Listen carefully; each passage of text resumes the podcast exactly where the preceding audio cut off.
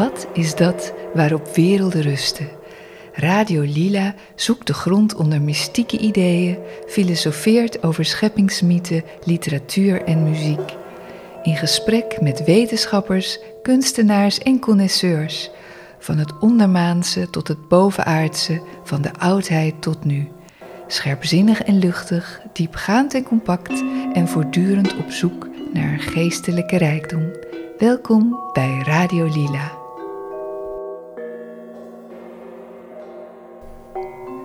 Dag allemaal. Vandaag gaan we het hebben over de Vrij-Katholieke Kerk, ook wel de VKK.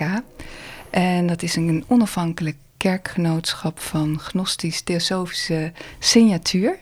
We hebben hier al eerder een uitzending over gemaakt met priester José Versteeg. En toen hebben we het gehad over de ontstaansgeschiedenis, onder andere het wereldbeeld, maar ook heel kort over de liturgie en de sacramenten. Vandaag gaan we dieper in op de diensten en de sacramenten en dat doen we met Parsifal van Gessel, bisschop bij de VKK. Welkom Parsifal. Welkom, dankjewel. Nou, fijn dat je er bent. Um, jij had, wij zitten hier in een speciale ruimte op het, uh, in het hoofdcentrum, het uh, ITC. En jij had een verhaal over de kamer waar we zitten. Ja, je moet je voorstellen dat uh, begin van 1900 ontstond de vrijdenkersbeweging. Dat waren mensen die zich eigenlijk losmaakten van de verzuiling van alle religies. En die zeiden dat de mensen een volmaakte vrijheid van denken hebben. En die mensen die vonden elkaar en dat kreeg allerlei richtingen. En een van die richtingen was ook de theosofische beweging, die vooral geïnteresseerd waren in religie. Ja. Hoe kan je nou in je vrijheid, in je vrijheid van denken, toch je, uh, ja, jezelf religieuze denkbeelden uh, uh, voor jezelf verzinnen en, en onderzoeken. En daar was eigenlijk het onderzoeken naar de waarheid binnen alle godsdiensten was daar een heel belangrijk thema.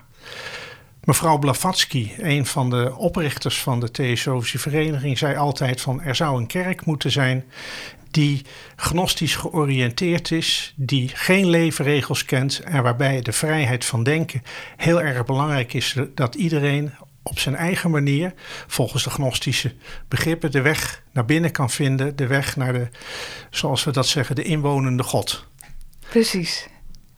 Een van die mensen die in die vrijdenkersbeweging zat, dat was mevrouw van Egen. Mevrouw van Egen, dat was een mevrouw die woonde op dit grote huis, het Sint-Michaelshuis waar we nu zijn. In Naarden, in Naarden, ja. op het Internationaal Theosofisch Centrum. En zij ontving allerlei lieden van allerlei pluimage. Uh, Frederik van Ede, uh, uh, Henriette Ja, Roland. Holst, allemaal van zulke soort mensen kwamen. En toen kwam daar ook een meneer Wedgwood. En meneer Wedgwood, dat was een bisschop van de Vrij-Katholieke Kerk, de Liberal Catholic Church, die dus ontstaan is in Engeland. En die kwam hier en zijn ideeën spraken haar enorm aan. En hij, zei, hij logeerde in de kamer waar we nu zitten, op het grote huis. ja. Zoals we dat ook wel noemen. Sint-Michaelshuis Ja. noemen we ook wel het grote huis. En hij logeerde hier en ze hoorde hem eh, iedere keer met meubels schuiven. Ach. En op een zeker moment vroeg ze, wat ben je toch aan het doen? Ja. Hij zegt, ja, ik draag de heilige mis op. Ik bouw even een altaar en dan draag ik de heilige mis op. Toen zei ze, oh, mag ik de, can I join? En Oh, nou, dat vond hij prima. Heilige grond zit erop. Ja, hij zei, ja, dat vond hij prima. En eh, zij was zo geraakt door die mis en ook de vrijheid die ondanks de strakke liturgie die we hebben toch behouden wordt. De vrijheid van denken en inleven. Dat ze, hij mocht een kapelletje hier op het centrum bouwen. En uiteindelijk heeft hij het centrum eh, door aan haar geschonken gekregen. Eh, heeft ze aan hem geschonken. Ja. En toen was eigenlijk het ideaal dat er uh, gebouwen zouden komen, tempels zouden komen van allerlei religies. Ja, ja. Nou, zover is Ja. nooit gekomen. Nee, nee. Uh, uiteindelijk is de, de, de, het, terrein naar de Theosofische Vereniging gegaan, omdat dat wat meer het universele gedachtegoed benadrukte. Ja. En uh, ja, dat is alleen tijdens de oorlog is het weer even kerkcentrum geworden om te kijken of het lukt om uit handen van de Duitsers te blijven. Van de Duitse bezetter. En dat is tot, ik geloof, een jaar voor het einde van de oorlog gelukt. En toen werd het toch weer ja, toch een, een, een hoofdkwartier van een of andere officier.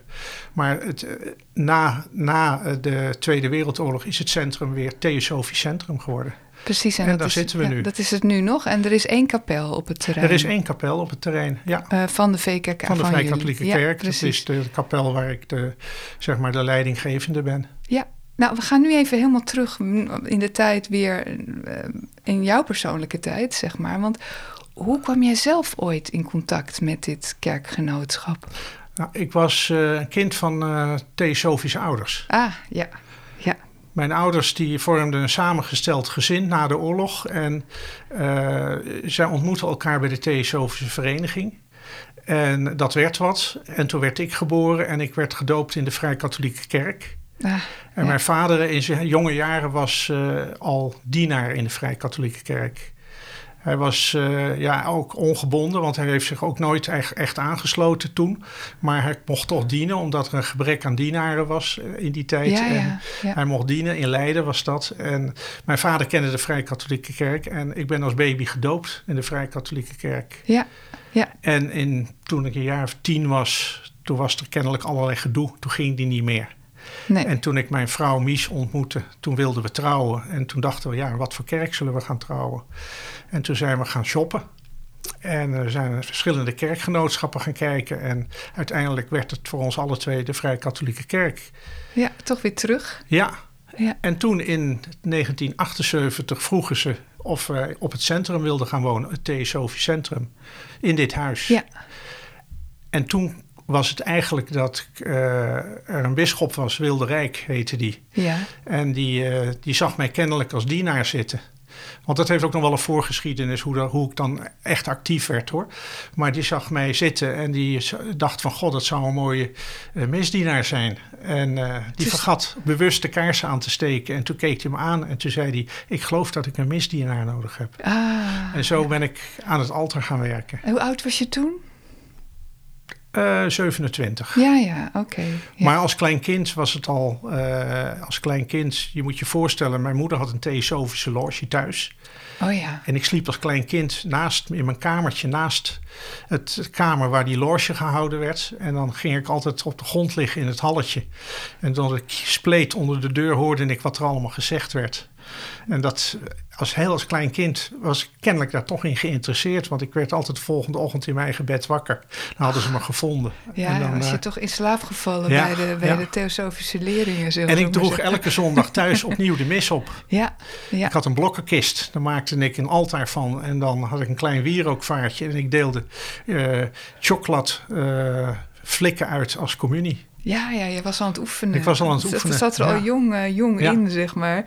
Ehm, wat, wat is voor jou de essentie van de Vrij Katholieke Kerk? Ehm, waar staat voor jou de kerk voor? Dat je op een veilige manier eh, de weg naar binnen kan vinden. Omdat ik zelf het idee heb dat God overal is. Maar voor ons mensen zit hij vooral heel diep binnen ons. En wat je ziet in de, in de, in de Vrij Katholieke Kerk, als je, kijkt, de altaar, als je het altaar ziet met de zeven kaarsen bijvoorbeeld. Ja. Die zeven kaarsen die symboliseren verschillende dingen. Eh, eigenschappen, liefde, wijsheid, kracht, harmonie, kennis, geordende dienst, tact en verdraagzaamheid, toewijding. En dat zijn ook binnen de theosofie zeven mensentypen. En die zeven mensentypen komen ook weer uit hindoeïstische stromingen. Ja, ja. En ik denk dat iedereen op weg is. Nou, laat ik zo zeggen, iedereen heeft eigenlijk wel het streven om een beter mens te worden. ja. En binnen het Hindoeïsme zeggen ze dan van ja, je bent op weg naar de volmaaktheid. En dan is voor ons, zoals ik het uitleg, want wij zijn dus een vrij katholieke kerk, dus we hebben geen strakke Nee, uitleg van de leer. nee. Christus is voor mij het goddelijk volmaakt mensprincipe. Ja, ja. En dat goddelijk volmaakt mensprincipe, dat is een streven wat we allemaal wel hebben en waar we naartoe op weg zijn. En ja, eh, als je dus die kerk binnenkomt, dan zie je die kaarsen. En als je weet wat dat betekent, dan weet je ook welke eigenschappen voor jou, waarin je excelleert. Maar ook de eigenschappen waar je flink moeite mee hebt. Precies, ja, want je zegt ergens naar op weg zijn, maar daarvoor zei je, het is eigenlijk, het zit in je al. Ja, ja. Dus hoe moet je dat verenigen? Of dat, dat is juist misschien de paradox. Ja, het kan wat par- paradoxaal overkomen. Ja, Maar ik denk, ik denk Ja. dat je, dat je eh, als je kijkt, eh, eh, daar, als je kijkt naar, naar je weg naar volmaakt worden, dan kan dat alleen maar als je jezelf heel goed gaat kennen. Hmm. En als je jezelf heel goed gaat kennen, dan ben je op weg, de weg naar binnen. Ja, ja. En ja. naarmate je daarin groeit en, en verder gaat, dan is het net een ui die je, die je, die je pelt, zal ik maar zeggen. Ja. Of een lotus die open gaat, net hoe Ja. je het wil zien. ja. En dan, dan ga je steeds meer zien van, van, van de waarheid. En de waarheid, ja. eh, ja, dat schrijven met een hoofdletter. En dat is in de gnostiek een heel belangrijk woord, de waarheid. Want wat is dat? Precies, het is ook een heel gevaarlijk woord tegelijkertijd. heel hè? gevaarlijk Er zijn woord, heel ja. veel mensen mee op de loop gegaan Ja. natuurlijk. Dus eh, nou, wij gaan het over de dienst hebben. Er zijn al een aantal voorbij gekomen. Ehm, je had het al eh, De heilige mis. eh, precies. En laten we daarmee beginnen. Ja, Ehm, de, de gastenzuster in de abdij waar ik regelmatig kom, die leek niet te begrijpen dat ik ehm, de Eucharistie wilde omruilen voor een middagdienst. Want ik dacht, nou, die is korter. En ze zei toen ook, ja, maar de Eucharistie is alles, Ja. zei ze tegen mij. Wat betekent de dienst voor jullie? eigenlijk is de Eucharistie de gang die de mensheid gaat, Oké. Ja, denk ik. Ja. Ja. Het is de gang die de mensheid gaat. Het is de verbeelding van het paasmysterie. We, eh, in onze kerk leeft toch wel de gedachte aan reïncarnatie. Dus je bent op weg naar die volmaaktheid, ben je bezig om. Ja, eh, eh, je komt met een idee op aarde van wat je moet gaan doen. Hmm. Je doet je ding op aarde, je loopt tegen je thema's aan. daar ga je mee aan de gang. En uiteindelijk, als je aan het einde van je leven bent, dan kan je de balans opmaken. En die balans die geeft aan van ja, wat heb ik nou geleerd? Wat wilde ik leren en wat eh, moet ik nog leren? Ja. En dat zou je dan weer meegaan in een volgend leven. En dat is natuurlijk ook boeddhistisch. Ja. Daarom zeg ik ook, onze kerk die, eh, ja, die, die, die, die zit op het randje van het, balanceert op het randje van het christendom. Omdat wij ook echt wel hindoeïstische en boeddhistische eh, begrippen omarmen. Dus ja, dat zit er wel in. De, de, de, het, het brengen van het grote offer. Wat je, wat, wat je als mens doet, maar wat je ook als mensheid doet, dat is dat je op een zeker moment eh, de weg die je gaat, ga je door op een zeker moment geen blokje om meer te gaan. Jij wil, jij wil iets, iets, iets, jij weet dat je iets moet doen wat, eh, wat, wat, wat, wat in feite hoe het zou moeten, Mhm. maar het komt je eigenlijk niet uit. Omdat je het Ja, niet ja. durft. Eh, Manjana, misschien, zou je, misschien zou je iemand moeten helpen, maar er is ook een feestje vanavond. Dan denk je van ja, ik kan morgen ook wel helpen. Ik ga naar het feestje. Terwijl je eigenlijk innerlijk weet van ja, maar eigenlijk moet ik gaan helpen. Ja. Eh, als jij iets moet gaan doen wat, wat, wat voor jou heel moeilijk is, waar je echt moeite mee hebt, eh, of waar je bang voor bent, ga je daar doorheen of laat je het even liggen? En, en hoe kan die Eucharistie je daarbij helpen? Dat is dan, want ik ga je toch weer even terugbrengen naar die Nou, laat ik dan zo zeggen. We komen binnen in de, in, de, in de mis. Je gaat de kerk in, je komt binnen en je wordt nog lastiggevallen met allerlei, laat ik maar zeggen, aardse beslommeringen. Mhm. Dan komt de processie. Dat is als de, als de geestelijkheid binnenkomt met wierook. De geur van de wierook die helpt al je gedachten ja, wat lichter te maken en dat je je op, omhoog gaat richten. Mhm. En dat omhoog richten is tegelijkertijd naar binnen richten. Ja. Je gaat je omhoog richten en dan het eerste, eh, het eerste deel van de mis. Dan is er een, een eh, eh, confitior. Dat is een soort van bezinning waarbij je vraagt om teruggebracht te worden in je oorspronkelijke zijn. En dat doe je door een gebed uit te spreken en vervolgens al dat gedoe wat zich de afgelopen tijd heeft afgespeeld, Ja. je mogelijkheden, je onmogelijkheden, je Ja. mislukking, breng je eigenlijk in een mandje, leg je neer. En dat wordt geabsolveerd door de absolutie die de geestelijke de priester of de bisschop geeft. Maar tegelijkertijd, omdat je dat gebed doet en ook wil doen, ben je in staat om jezelf te vergeven. Om jezelf Mm.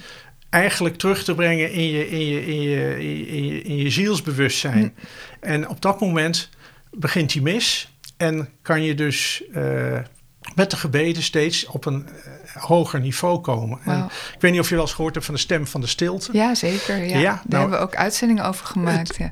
Waar ik het nu net over heb, Ja. dat absolveren en dat opruimen, dat is de hal van de onwetendheid.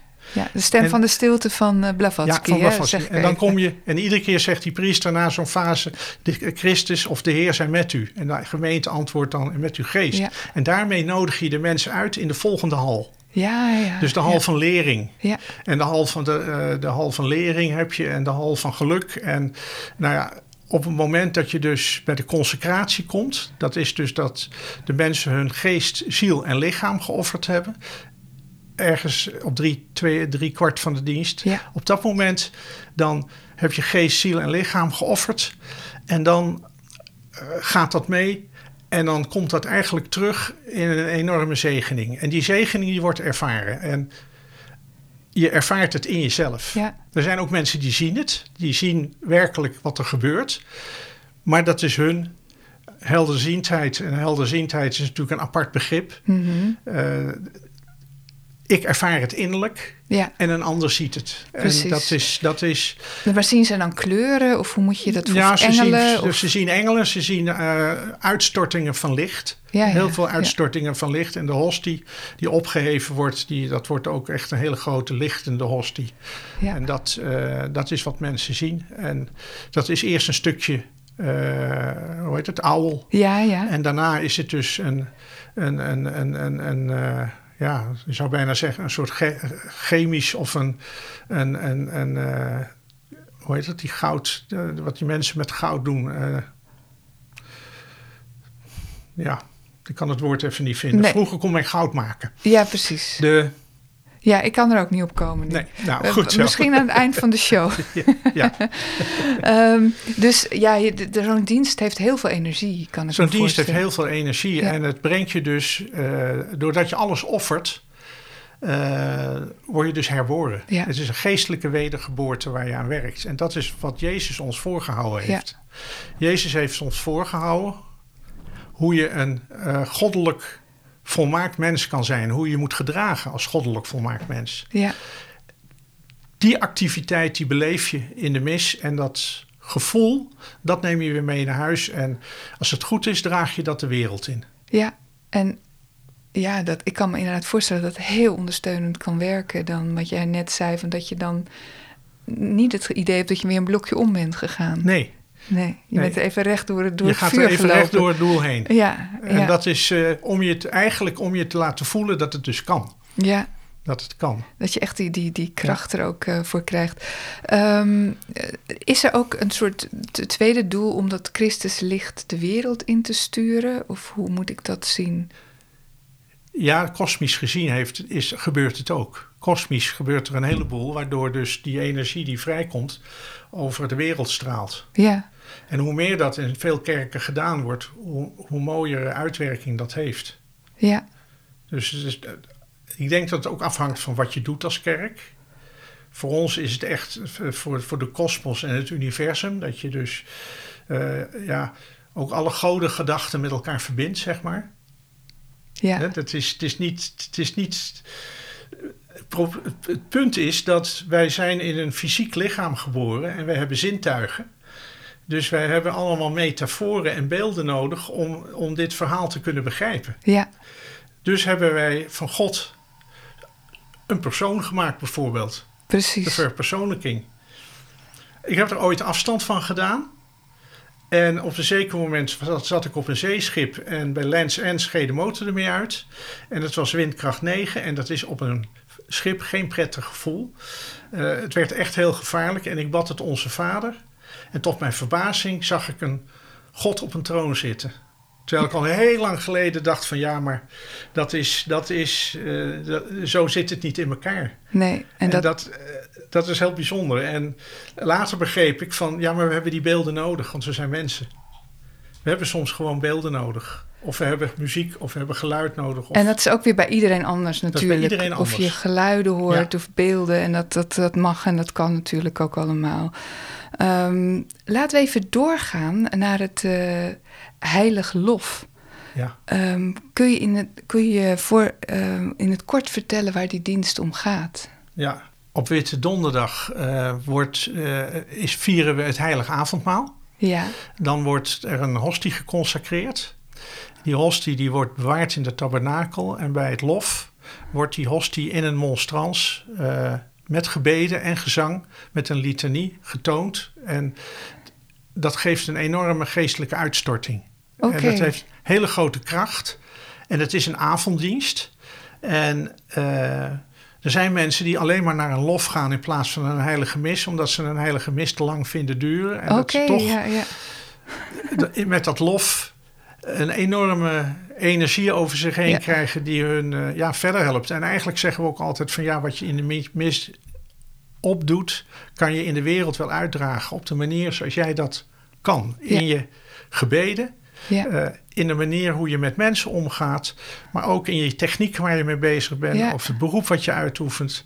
Dan mag een behoorlijke goddelijke energie in zitten. Het en als je dat door. bewust Oh, bent, Ja, dan neem je dat mee. ja mooi. En eh, hoe lang duurt zo'n dienst eh, in vergelijking met de vorige? Want dat hebben we het eigenlijk niet ge- De vorige gezegd. duurt eh, een uur en een kwartier Ja. ongeveer. En het lof duurt een half uur. Oké, ja. Ja. dat is eigenlijk een soort eh, speeddienst eh, dan, eh, maar Ja. met, wel met evenveel effect zou je Ja, kunnen zeggen. Ja, zeker. Want het is in, in, ehm, in de Anglikaanse kerk is het dus een vast ritueel. En volgens mij mogen van het ministerie van Geloofsweer in het Vaticaan onder bepaalde voorwaarden ook genezingsdiensten worden gehouden. Ehm, dus in de Rooms-Katholieke kerk. Ja. En de genezingsdienst bij de eh Vrij Katholieke Kerk is volgens mij ook heel erg belangrijk. ja, we hebben hem eigenlijk, eh, wat je bij de ziekenzalving ziet in de Roomse kerk, voor zover ik dat weet, in de Rooms-Katholieke kerk, is dat meestal voor stervenden. En de ziekenvalzalving voor stervenden wordt ook gegeven bijvoorbeeld in verzorgingshuizen al ja, elk jaar een keer. Voor het geval dat je gaat, dat je hem in ieder geval gehad hebt. Ja, ja, ja. Wij denken daar anders over. Wij zeggen ja, je hebt een, een, een eh, zalving voor stervenden, het heilige oliesol. En je hebt een heilige oliesol voor zieken. En die heilige olie voor zieken, dat noemen we de genezingsdienst. Die kan je op elk moment krijgen. En dat is voor mensen die, eh, ja, die, die dus echt ziek zijn. Maar ook als je niet goed in je vel zit. Als je psychische problemen hebt. Als je eh, traumatische ervaringen hebt gehad. ja. Het, het is eigenlijk een soort van, ja, in computertaal een resetknop. Waarbij je ja. ook weer teruggebracht wordt naar je oorspronkelijke. En dat eh, de, de, de energie die er vrijkomt met engelenkracht jou de kracht geeft om door te gaan. eh, om sterker te worden om door te gaan. En dat, dat is die genezingsdienst. Dus, en dat heeft wel eh, bijzondere eh, effecten. Ik kan mezelf een keer herinneren dat ik eh, in een situatie kwam waar iemand heel erg begon te gillen. En dat ik een ja. week later nog die gil. Het was net of Ja. er een varken geslacht werd bij, bij zo'n gekrijt. En, en kan je vertellen hoe dat is afgelopen? Of- Ja, ik, ik, ik, die, ik had dat steeds in mijn hoofd en ik vertelde dat aan toen nog een collega-priester. Ik zeg, joh, ik krijg die gil niet meer uit mijn hoofd. Hij zegt, oh, dan moet je genezingsdienst nemen. Oké. En ik nam die genezingsdienst en het was meteen weg. Oh, Het was meteen ja. over. Het heelt je aura. Het heelt, het, het, het heelt je aura. En op, eh, het wil niet zeggen dat je dus van je ziekte geneest. Nee, Maar het geeft je in ieder geval wel heel veel kracht om er goed doorheen te komen. Precies, en het ja. helpt je om inzicht te krijgen van waarom heb ik dit alles? Hoe komt het nou dat ik dit heb? ja. En dat is ook heel belangrijk. Dus er zijn dus niet mensen in, in de kerk die met een rolstoel binnenkomen en lopend vertrekken, bij wijze van spreken. Af en toe zijn er wel eens verbazingwekkende dingen, maar dat heb ik nog nooit meegemaakt. Nee, nee, oké. maar Maar dat- ik heb wel meegemaakt dat je bijvoorbeeld hoort dat iemand ziek is en dat je dus eh, die genezingsdienst visualiseert, omdat die persoon niet in de buurt is. Oké, ja. En dat heb ik één keer meegemaakt met een vrouw die belde me dat haar man in het ziekenhuis lag eh, met eh, het 1, 42 graden koorts en dat het een levensbedreigende situatie was. En toen zat ik in de trein en ik deed die dienst uit mijn hoofd eh, in de, terwijl ik in de trein zat. En een uur later belden ze de koorts. Ik weet niet wat er aan de hand is, maar de koorts is weg. Ach, ja. En zo hebben we best wel heel veel ervaringen gehad dat op de een of andere manier, en dat heeft Kurt Leelands bijvoorbeeld goed kunnen uitleggen, dat met een genezingsdienst bouw je een gedachtevorm op. Ja. En die gedachtevorm wordt door een engel meegenomen en die gaat naar degene voor wie het bestemd is.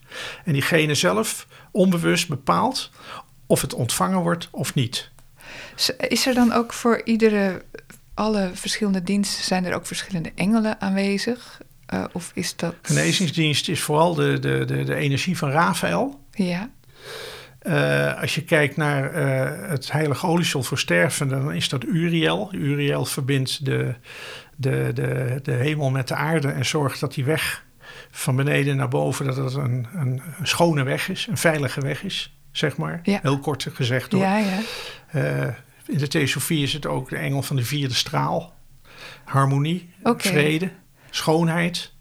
Dus het is, uh, ja, het, het vreedzame sterven is, ligt in handen dan van Uriel, Van zeg Uriel. maar. En, en zou je die, die engelen, zijn dat ook echt letterlijk engelen? Of zou je ook kunnen zeggen dat is een bewustzijnstoestand die je kan waarnemen als engelen? Of zeg je nee, het zijn echt engelen?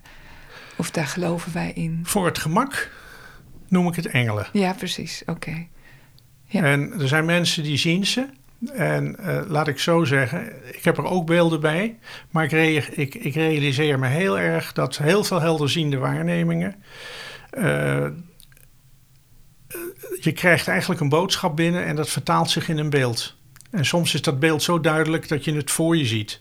Mm -hmm. En ik zal nooit aan een ander vertellen hoe die engel eruit ziet. Nee. Want dat is mijn beeld. En dat is wat ik van Kurt ook geleerd heb. Want het blijkt dat Kurt en ik best wel veel dingen gemeen hebben. Hij zegt... Kurt Lieland, hè? Kurt Lieland, Die ja. hebben we ook. Ga nooit zeggen hoe iets eruit ziet. Nee. nee. Want uh, dat maakt helderziende dominant. Dat maakt helderziende gaan dan invloed op iemand anders uitoefenen. En dat is niet de bedoeling. Nee, en het is, Als je dat hebt, ja. dan is dat voor jezelf. Dat mag je gebruiken. Uh, ik voel het als een energie. Uh, het spreekt door mij in woorden. Mm -hmm. uh, met name in stervensbegeleidingen en gesprekken met mensen. Uh, vaak komt er een vraag binnen waarvan ik later denk van hoe kom ik eraan? En dat is dan een vraag die je aan, aan de stervende stelt bijvoorbeeld? Ja, ja. ja. Dat, dat wordt dan een, een vraag die die stervende kan helpen. Bijvoorbeeld, okay, ja. die hem kan helpen. Ja. En, de, en dat is, wij noemen dat, ik noem dat engelenwerk. Ik noem dat verbinding met engelen. En ook het, het, het, de predikatie die je geeft, ja, dus, dat is de invloed van de Heilige Geest, zeg maar. Mm -hmm. Maar dat is dus ook met hulp van engelen. Ik Ja. voel me daardoor begeleid. Ja. En het maakt me eigenlijk niet zoveel uit of dat nou klopt of niet. Nee, precies. Nee, Weet je, dat eh, moet iedereen, ja. dat mag voor ons, in onze kringen mag dat heel- helemaal voor jezelf zijn. Ja, dat is Want- mooi, hè? Dat, Want we hebben Ja, zo ongelooflijk veel illusies. ja, ja. Je zou bijna zeggen dat we misschien wel eerder een assumption maatschappij zijn dan een consumption maatschappij. Ja, je bedoelt dus dat, dat we allemaal dingen... Zoveel dingen- aannames. aannames zoveel hebben, ja. aannames. Maar ja, je kan natuurlijk ook... Het is natuurlijk allemaal persoonlijke projecties ook. Zo'n zo'n beeld Ja. van een engel. Ja, Eh, je kan precies. niet iets voor je zien... Waar, Niet iets maken wat je nog nooit gezien hebt. Ja. Ehm, dan ben ik ook heel benieuwd welke engel hoort bij de huwelijksmis of eh, bij de huwelijkssacramenten. Ja, dat is een goede vraag. Oh, dit is niet een vaste, Vragen, deze heb je. er is niet een vaste engel voor. Misschien komen ze allemaal wel even kijken. Ik denk dat het Michael is. Hoe, hoe gaat dat in zijn werk, een huwelijk? Je, hebt, je bent zelf getrouwd in de Vrij Katholieke Ja. Kerk. Eh, is er een verschil met hoe, hoe het trouwen in een gewone kerk is? Laat ik zo zeggen, je belooft elkaar trouw tot de dood je scheidt. Mhm. En in de hedendaagse wereld eh, worden we geconfronteerd met scheidingen die veel eerder zijn dan de dood. Ja, ja, En dat heeft me ooit wel bezig gehouden tot ik op een zeker moment me realiseerde... ja, maar een huwelijk kan ook spiritueel dood zijn. Mhm. ja, Want wij zijn in, leven in een maatschappij dat wij... eh, ik heb daar eens met een boeddhistische eh, leraar over gehad. Ik zeg, zou het zo kunnen zijn dat we eh, tegenwoordig meer levens in één leven leven... in plaats van dat we altijd overlijden, want we leven zo lang. ja, ja, Ja. dat zou heel goed kunnen. Dat zou heel goed kunnen. ja, Want je maakt dingen mee en het kunnen hele vervelende ervaringen zijn. Dit moet je verwerken. Een echtscheiding, eh, dood van- in je omgeving. En Mm. weet ik veel wat je allemaal mee... eh, Met pensioen gaan, ontslagen worden. Ja, Vroeger ja. had je maar één baan en dat had je je hele leven. En ja. je werd niet ouder dan 40. Nou ja, makkelijk. Tegenwoordig moet je maar doorgaan. Leef je maar door, ja. Ja. En dan de hele tijd met diezelfde eh, persoon Ja. natuurlijk. En Dus- het moet er ook maar net kloppen. Ja. Maar is, dat, is dat een probleem, scheiden, voor de Vrij Katholieke Nee, Kerk? nee, nee, nee, nee. Het is heel verdrietig, maar dat is geen probleem. En je mag ook gewoon weer voor de kerk trouwen. Is, is er ook een scheidingsdienst misschien? Nou, onofficieel is er wel wat. Maar dat eh, zou ik niet gauw gebruiken. Nee, Nee, zelf, nee. Nee. Waarom niet? Als ik nou, vraag ik vind het toch een beetje een, een, een, een, een, een onbindende handeling. Mhm, Ja, Ik weet niet of dat, of dat helemaal binnen, binnen het idee van witte magie past. het is toch ook een nieuw begin weer? Een Ja. soort van nieuwe vrijheid. Ja. Zo Ja. nieuwe weg, wegen Ja, instaan, dat nieuw, blokje om. Ja. om maar even bij de analogie te blijven. Dus, eh, maar is de, ehm, de dienst zelf, zeg maar...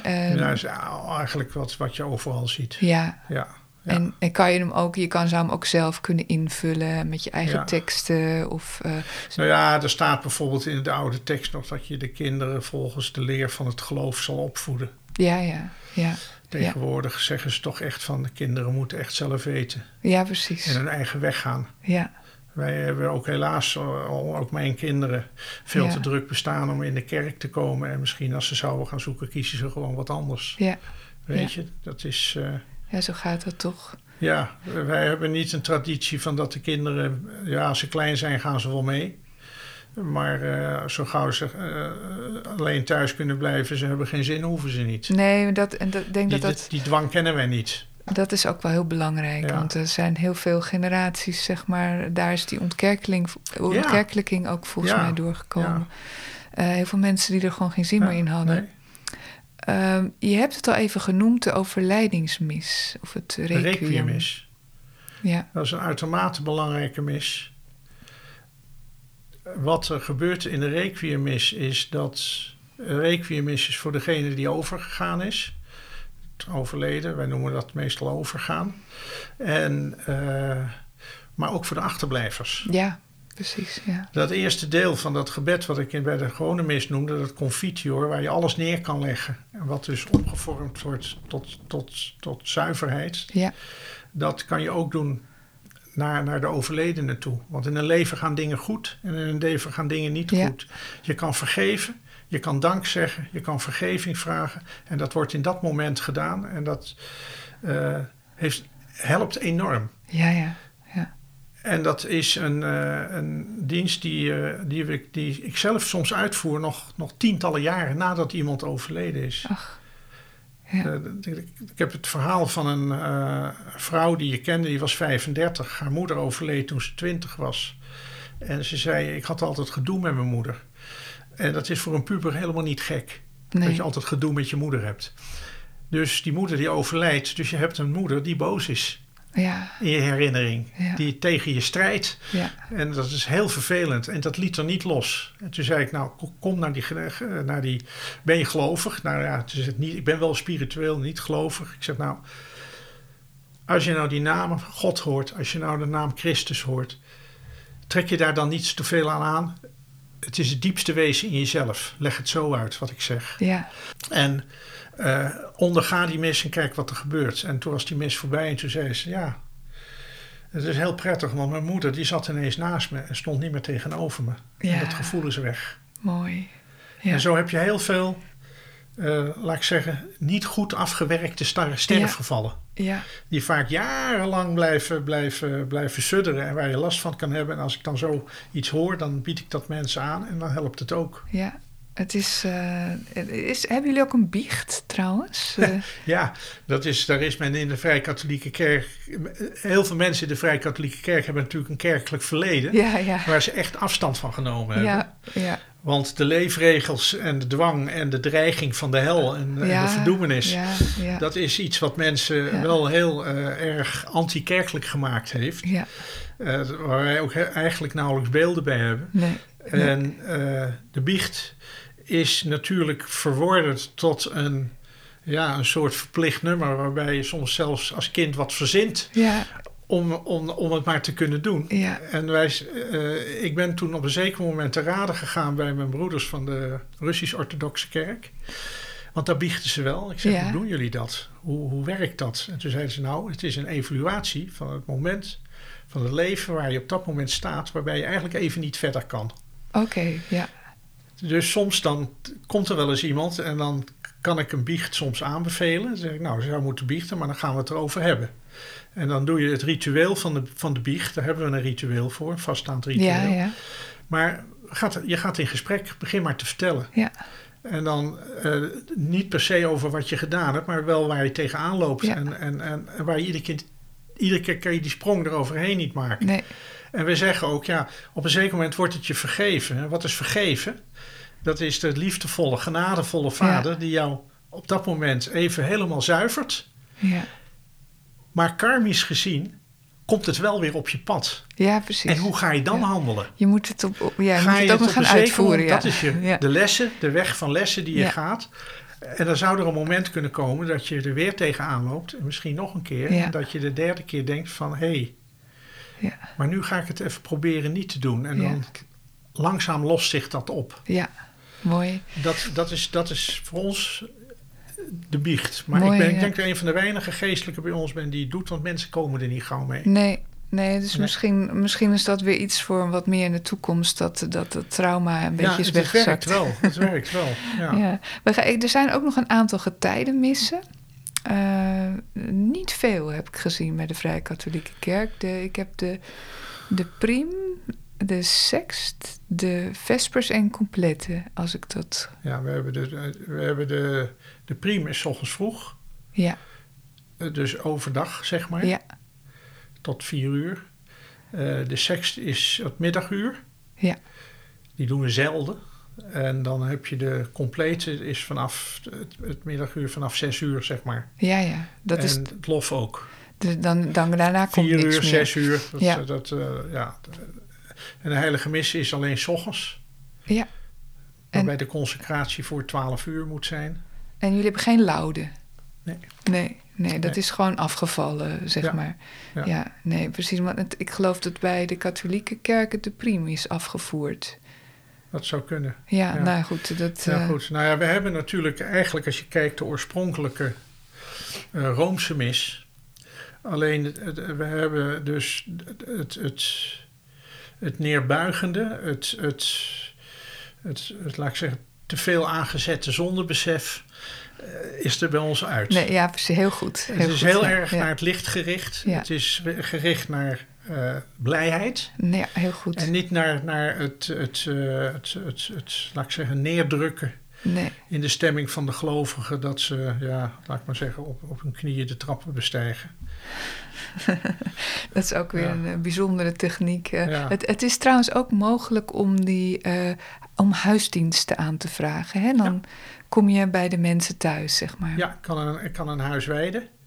Oké, Eh, een huis wijden, eh, dat kan je doen als mensen dus een nieuw huis krijgen, bijvoorbeeld. En daar hebben andere mensen in gewoond. Soms dan eh, zeggen mensen van ja, er is iets in mijn huis wat niet prettig voelt. Bijna iedereen komt ergens binnen en voelt Ja. een bepaald sfeertje. Ja. En soms kan zo'n sfeertje heel creepy zijn. ja. En het wijden van een huis helpt dat opruimen. Doe je dat vaak? Maar regelmatig. Oké, ja. Regelmatig, ja. Ja. Ja. regelmatig. Vroeger noemden ze dat exorcisme. Ja. Maar dat is vooral een interessant verhaal voor de film. Oké. Waarbij, de, eh, waarbij er dan eh, echt de duivels die de priester aanvallen en alles. eh, nou, dat heb ik nog nooit meegemaakt. Nee, Maar wel dat er een bepaalde. de- Als mensen zeggen er hangt een verkeerde, vervelende sfeer in huis, dan zeg ik altijd van: ik wil verder niks horen. Ik kom en ik wil aan jou zeggen waar, die, waar het dan is. ja. Wat, om te kijken of het klopt. Of we het allebei met elkaar eens zijn. Of, of, of het dezelfde plek is. Ja, Want ik ja. wil graag verifiëren of wat ik dan doe, of dat ook klopt. Ja, of je dat wel goed hebt aangevoeld eh, weer. Ja. We hebben ooit, ooit meegemaakt dat er, eh, dat er een familie was. En het was in een Amsterdams grachtenpand. En eh, daar, was, een, een- daar hing al een hele tijd een hele nare sfeer. Ja, en die vrouw die had er last van. Ja. En, eh, ik ben daar met een collega naartoe gegaan en ik liep, we liepen door het huis. Ik denk, er is iets met die schilderijen. Er hingen heel veel schilderijen ja. van een kunstschilder. Er is iets met die, wat is dat? En toen op een zeker moment kwamen we in een kamer en dat bleek een atelier te zijn. En uh, kwam die kamer in en ineens zat er een boze schilder in de stoel. Ach, ja. Ik zag hem niet, maar ik kreeg een innerlijk beeld en toen zat hij er. En toen dacht ik, hé, hey, dat is bijzonder. Dus uh, wat is dit? En toen gingen we met die vrouw in gesprek. Die zei van, oh, dat is mijn vader. Mijn vader was kunstschilder. En die aan het eind van zijn leven ging het niet meer. En toen was hij heel boos dat zijn werk niet af was. Ja. Nou, toen hebben we dat huis gewijd. En dat doe je met wierook. Ja. Je vraagt God om het huis te zegenen. En de engel om het huis te bewaken. Je doet de ramen open. En door de wierook en het sprenkelen van het wijwater door het huis... wordt het helemaal licht. Ja. Oh, bijzonder. is die sfeer veranderd. Ja. En sferen zijn echt heel belangrijk. En sferen zijn ook. Je kan niet zeggen dat het niet bestaat. Nou, ja, dat is nou dat is het leuke ervan. Het is ook wel bijzonder dat je daar dan op die manier invloed op kan hebben. En um, ja, ik, ik zit nu ook te denken wat voor huizen jij eigenlijk even langs zou moeten gaan. uh, maar um, ja, daar is nu geen tijd meer voor. We gaan even kijken. Ja, is er nog een mooie tekst uh, waar je misschien mee wil eindigen? Dat vraag ik altijd ja, aan mijn gasten als ze komen. Ik, uh, de, de, de, de, grote vraag natuurlijk voor iedereen die gelovig is en die niet gelovig is, is hoe zit dat met het hiernamaals? Ja. Zeker. Ja. Hoeveel is er niet geschreven en hoeveel heeft men ook niet geschreven? Misschien iets wat me op het ogenblik bezighoudt en waar ik over nadenk: het verlangen. Ja. Het verlangen naar. Ja. Ja, verlangen is leuk, maar wat is het dan? Ja. Hoe, hoe, hoe, zou dat eruit zien? En zie je wel wat als je geen stoffelijk lichaam hebt? Hoe zit dat? En het loslaten van dat verlangen, eigenlijk, het, het openlaten, is heel erg, werkt heel erg bevrijdend. En ik lees dat vaak voor bij uitvaarten. En dat is gedicht van Tagore. Oké, nou alvast, uh, we, gaan, uh, we gaan hangen aan je lippen. Tagore is overigens ook hier in dit huis geweest. Oh, ja. goed om te weten, ja. De dag is voorbij gegaan. De schaduw is op aarde. Het is tijd voor mij om naar de rivier te gaan om mijn kan te vullen. De avondlucht is vol verlangen door de weemoedige muziek van het water. Ach, ze roept mij tot het duister. In de eenzame bossage is geen wandelaar meer. De wind steekt op, de rimpels kruipen over de rivier. Ik weet niet of ik weer naar huis zal keren. Ik weet niet wie ik toevallig zal ontmoeten. Daar, bij het veer, in de kleine boot, speelt de onbekende man op zijn luid. Dankjewel, Parsifal. Prachtig. En in die heilige mis, wat daar gedaan wordt, dat is alchemisme. Goud maken. Dat was het woord. Goud maken, heel goed. Dankjewel. Ja. Weer bedankt voor het luisteren. En als je wilt reageren op de uitzending, kan dat via onze website, op onze Facebookpagina of door te mailen naar radiolilapodcast.gmail.com. Voor alle vragen of opmerkingen over de behandelde thema's of andere zaken, of als je ideeën hebt voor onderwerpen, laat het ons weten via www.radiolila.nl. Tot de volgende.